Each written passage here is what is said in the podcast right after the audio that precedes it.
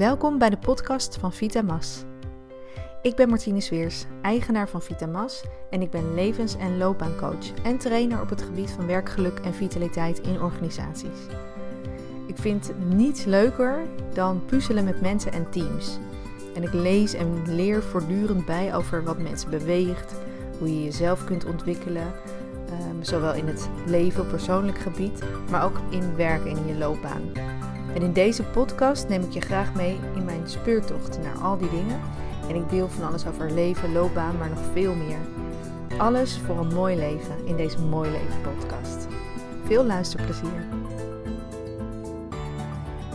Podcast 31. Ben je het of doe je het? De nurture versus nature discussie. Wat ben je van nature? Dus wat eh, heb je van je geboorte af al mee? En wat krijg je mee tijdens je opvoeding? En van de samenleving waarin je opgroeit.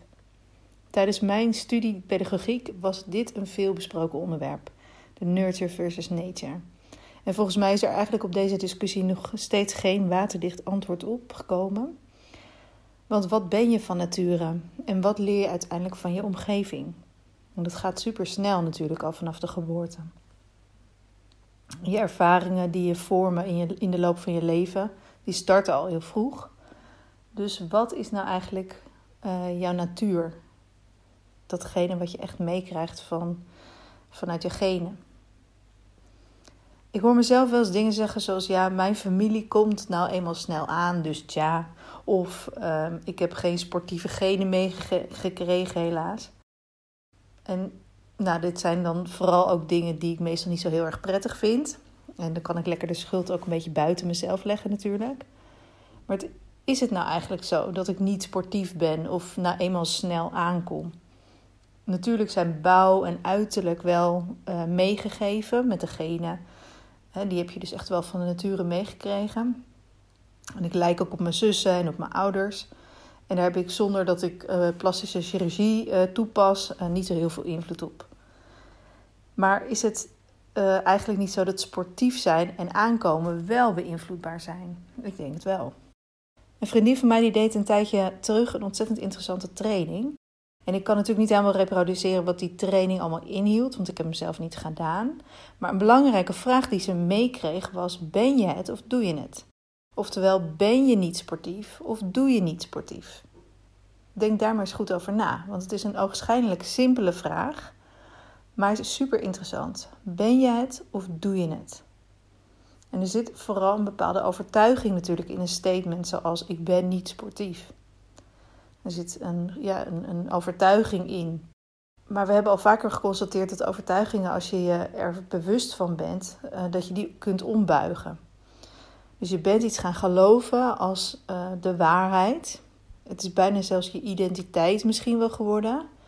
Zeker wel bij dingen die in je familie heel gewoon zijn of die echt wel in de familie veel voorkomen. Daar identificeer je je mee. Dus het voelt alsof dat is wie je bent. Een ander voorbeeld is, en dat noemde ik in mijn vorige podcast ook al, dat ik lang heb gedacht dat ik een glas half leeg persoon was, omdat ik in mijn puberteit depressief was geweest, of ben geweest. Maar op, op een gegeven moment besloot ik dat ik eigenlijk een glas half vol persoon ben, een positivo. En ik heb natuurlijk nog steeds dezelfde genen, dezelfde geschiedenis, dezelfde levensloop, maar toch een totaal andere blik op mezelf.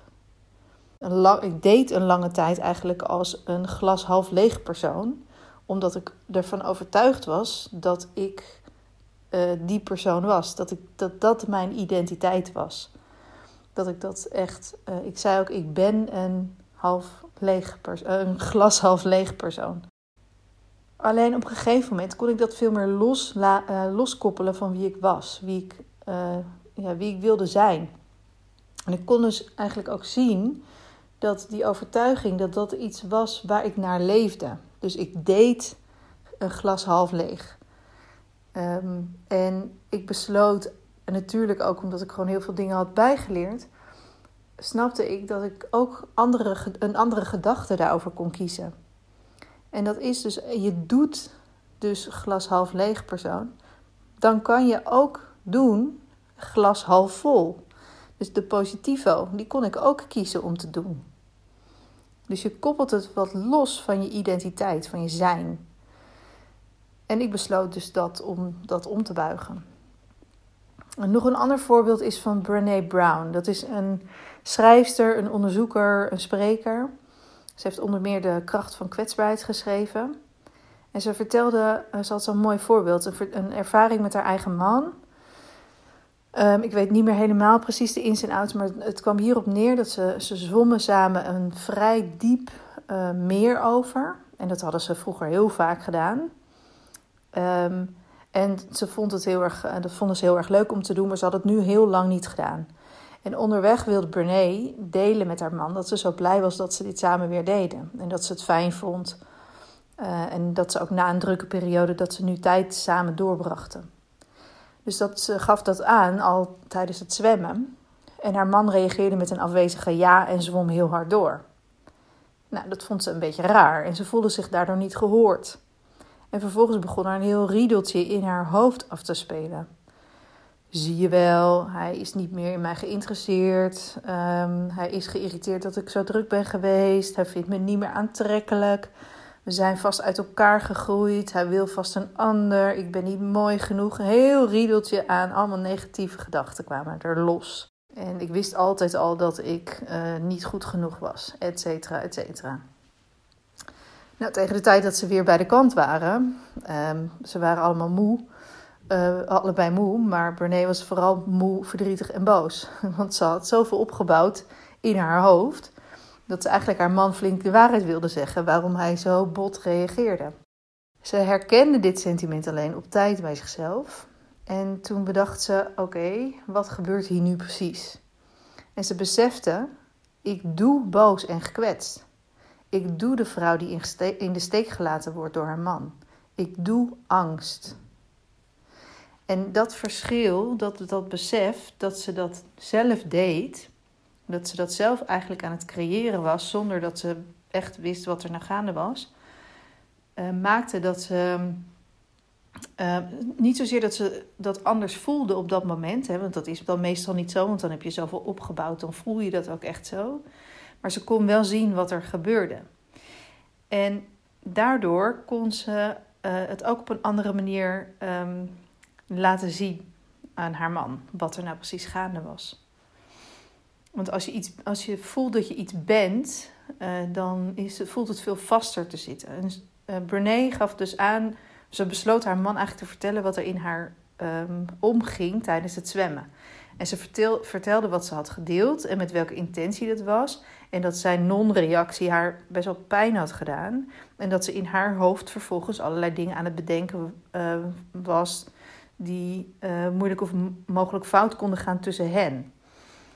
Uh, ze kon dus eigenlijk haar angst ook vertellen van hé, hey, ik doe dit, ik doe angst op dit moment. En uh, dat komt hier en hier uh, door, maar ik doe het. Dus daar gebeurde dus een aantal dingen, want ze hield het daardoor ook bij zichzelf. Zij doet dit, het is haar proces in haar hoofd. Het is dus totaal geen aanval op haar man omdat hij iets fout heeft gedaan. En wel kan ze natuurlijk heel goed refereren aan van hey, deze uh, setting, deze beweging, deze reactie bracht die angst bij mij naar voren en daardoor ging ik dit doen. En haar man luisterde naar haar. En nou ja, zij hadden natuurlijk, omdat zij, zij doet heel veel onderzoek naar dit onderwerp, naar de kracht van kwetsbaarheid onder andere. Um, dus zij zullen, zullen ongetwijfeld heel erg gewend zijn om dit soort gesprekken ook te voeren. Dat helpt natuurlijk. Maar haar man luisterde en vertelde er vervolgens ook wat er in hem was omgegaan. Want hij had eigenlijk haar, haar opmerking niet echt gehoord tijdens het zwemmen. Want bij hem was een soort paniek ontstaan over het zwemmen. Want hij zat op, uh, ondertussen dus heel erg na te denken over hoe diep dat meer wel niet was. Of hij nog wel fit genoeg was. Dat er geen snelle boten uh, um, die heel vaak over dat meer raasden. Uh, dat ze daar niet, dat ze niet een snelle boot over zich heen zouden krijgen. En dat hij of zijn vrouw uh, wel eens overvaren konden worden, et cetera, et cetera. Dus hij was in zijn hoofd ook heel druk bezig geweest met allerlei angsten. En doordat ze aan elkaar konden aangeven wat het proces was wat zij toelieten in hun hoofd, wat zij deden, dus ze deden de angst, konden ze dat op die manier ook aan hun eigen proces koppelen. En dan is het veel makkelijker om niet uh, te vervallen in ehm, ja, nutteloze, zinloze ruzies over jij reageert niet uh, aardig, jij reageert zo bot. He, want dat zijn eigenlijk dingen die helemaal niet gaande zijn, want hij was helemaal niet bot, hij was gewoon heel erg in zijn eigen angst bezig. Net zoals zij. Dus door het op deze manier te labelen voor jezelf, hou je het heel erg bij jezelf. Kom je ook veel meer tot de kern van wat nou eigenlijk echt gaande is. Namelijk, je bent vanuit angst aan het uh, acteren. En kan je het veel meer loskoppelen van je identiteit. Want het is iets wat je doet. Dus daar kan je ook vervolgens heel erg in kiezen. Nou, ik geloof echt dat dit iets is, iets heel waardevols is. Um, wat je steeds kan toepassen. En dat maakt het niet voor jezelf alleen veel makkelijker. Um, maar ook, ja, nou ja, ook bijvoorbeeld in misverstanden tussen jou en je partner of tussen jou en anderen. Uh, omdat je veel meer inziet van hé, hey, wat doe ik nou eigenlijk? Plus je gaat je niet identificeren met een bepaalde overtuiging. Je bent het niet, nee, je doet het op dat moment. En vaak is het angst. Vaak zit er angst. Dus ook net als als ik het voorbeeld wat ik net gaf over um, te, te veel aankomen of niet sportief genoeg zijn. Daar zit natuurlijk ergens diep onder zit een soort van angst: ben ik goed genoeg? Dus er komt altijd heel erg op die hele basale, wezenlijke angsten en overtuigingen. Daar komt het vaak op neer. En soms is dat wat zwaarder en soms is dat wat in een lichtere, mildere vorm. Het is allemaal niet zo dramatisch per se. Maar dat zit er vaak wel onder. En dat is iets wat je doet. Maar als je het doet, kan je ook dus iets anders daarvoor in de plaats gaan doen. Moet je het wel eerst bewust maken van jezelf. En tot slot, wat ik ook nog wel interessant vind. En dat is ook wel een beetje gerelateerd aan iets wat ik zelf ook wel heb meegemaakt in uh, een situatie waarin ik mogelijk een, um, nou ja, waarop er op medisch gebied niet, iets niet goed was. Uh, ik ben uiteindelijk helemaal gezond, maar ik, uh, er is wel sprake geweest van mogelijke ehm, diagnose van MS.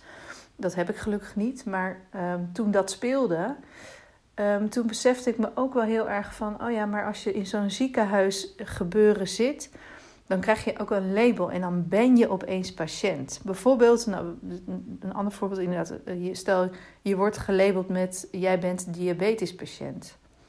Dus je hebt uh, diabetes, maar dan ben je ook opeens meteen diabetespatiënt. In heel veel uh, bewoordingen vanuit artsen en met alle goede bedoelingen, want ze zijn gericht op het, dat probleem op te lossen. Maar opeens, en je, het heeft ook invloed op je leven. Dus het kan ook heel erg zo voelen en ook wel echt waar zijn dat jouw leven heel erg verandert. En dat je je daardoor ook identificeert als patiënt. Alleen is dat wel um, het hele plaatje. Ik denk, denk dat je dan niet het hele plaatje hebt. Dus ook hierin ben je het of doe je het. Natuurlijk, een ziekte heb je.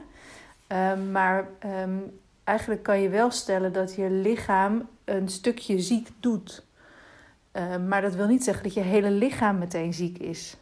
Hè? Dus dat is je uh, de suikerregulatie is in dit geval heeft ondersteuning nodig, heeft hulp nodig. Maar dat wil niet zeggen dat je grote teen opeens niet goed meer functioneert. Ik noem maar wat.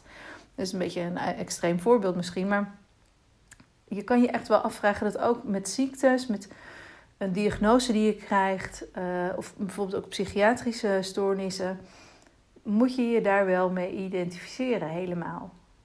Um, dat vraag ik me heel erg af. En ik denk, het is niet zozeer dat je een ziekte doet, maar je lichaam doet wel een bepaald patroon of een bepaalde ziekte. En dat wil niet zeggen dat je hele identiteit meteen ook datgene is. Um, wat het label eigenlijk um, meegeeft. Dus dat vind ik zelf ook nog wel een interessante. Dus als je een een of andere diagnose krijgt, ben je het dan helemaal? Of doet je lichaam um, een stukje daarvan? Ik denk dat het helpt uh, om, die, uh, koppel, om dat los te koppelen. Um, dus zowel met je eigen overtuigingen als met labels uh, die misschien aan je hangen. Um, of, of bijvoorbeeld overtuigingen die er, hè, ideeën die er zijn over jouw familie en wat je daardoor meedraagt. Ja, dat kan een stukje zijn en dat is zeker ook onderdeel van je geschiedenis misschien. En dingen die je hebt geleerd. Maar ben je het of doe je het? En kan je daardoor ook anders kiezen? Je zult zien, in heel veel gevallen kan je dus kiezen. Nou, ik hoop dat je het concept een beetje snapt. ik uh, zou het heel leuk vinden als je laat weten uh, of je hier wat aan hebt. En ik ben ook heel erg benieuwd of je hiermee kunt gaan experimenteren voor jezelf. Dus ik probeer dit voor mezelf nu een tijdje een beetje in te schatten. En ik ontdek eigenlijk steeds weer nieuwe dingen die ik doe, maar niet per se ben. En ik, ik besef dit al wel, maar er zitten ook nog super veel patronen natuurlijk in mijn systeem. Waardoor ik toch nog eh, steeds heel veel uh, nieuwe uh, dingen ontdek hierin. En dat geeft eigenlijk meestal heel veel ruimte en inzicht en mogelijkheden om dingen leuker en lichter te bekijken eigenlijk. Dus ik ben super benieuwd wat je allemaal ontdekt. En ik vind het heel leuk als je het me ook laat weten. Dat kan via mail of op Instagram bijvoorbeeld via een DM. Super leuk als je dat laat weten. En ik hoop dat je er wat aan hebt. En ik spreek je de volgende keer.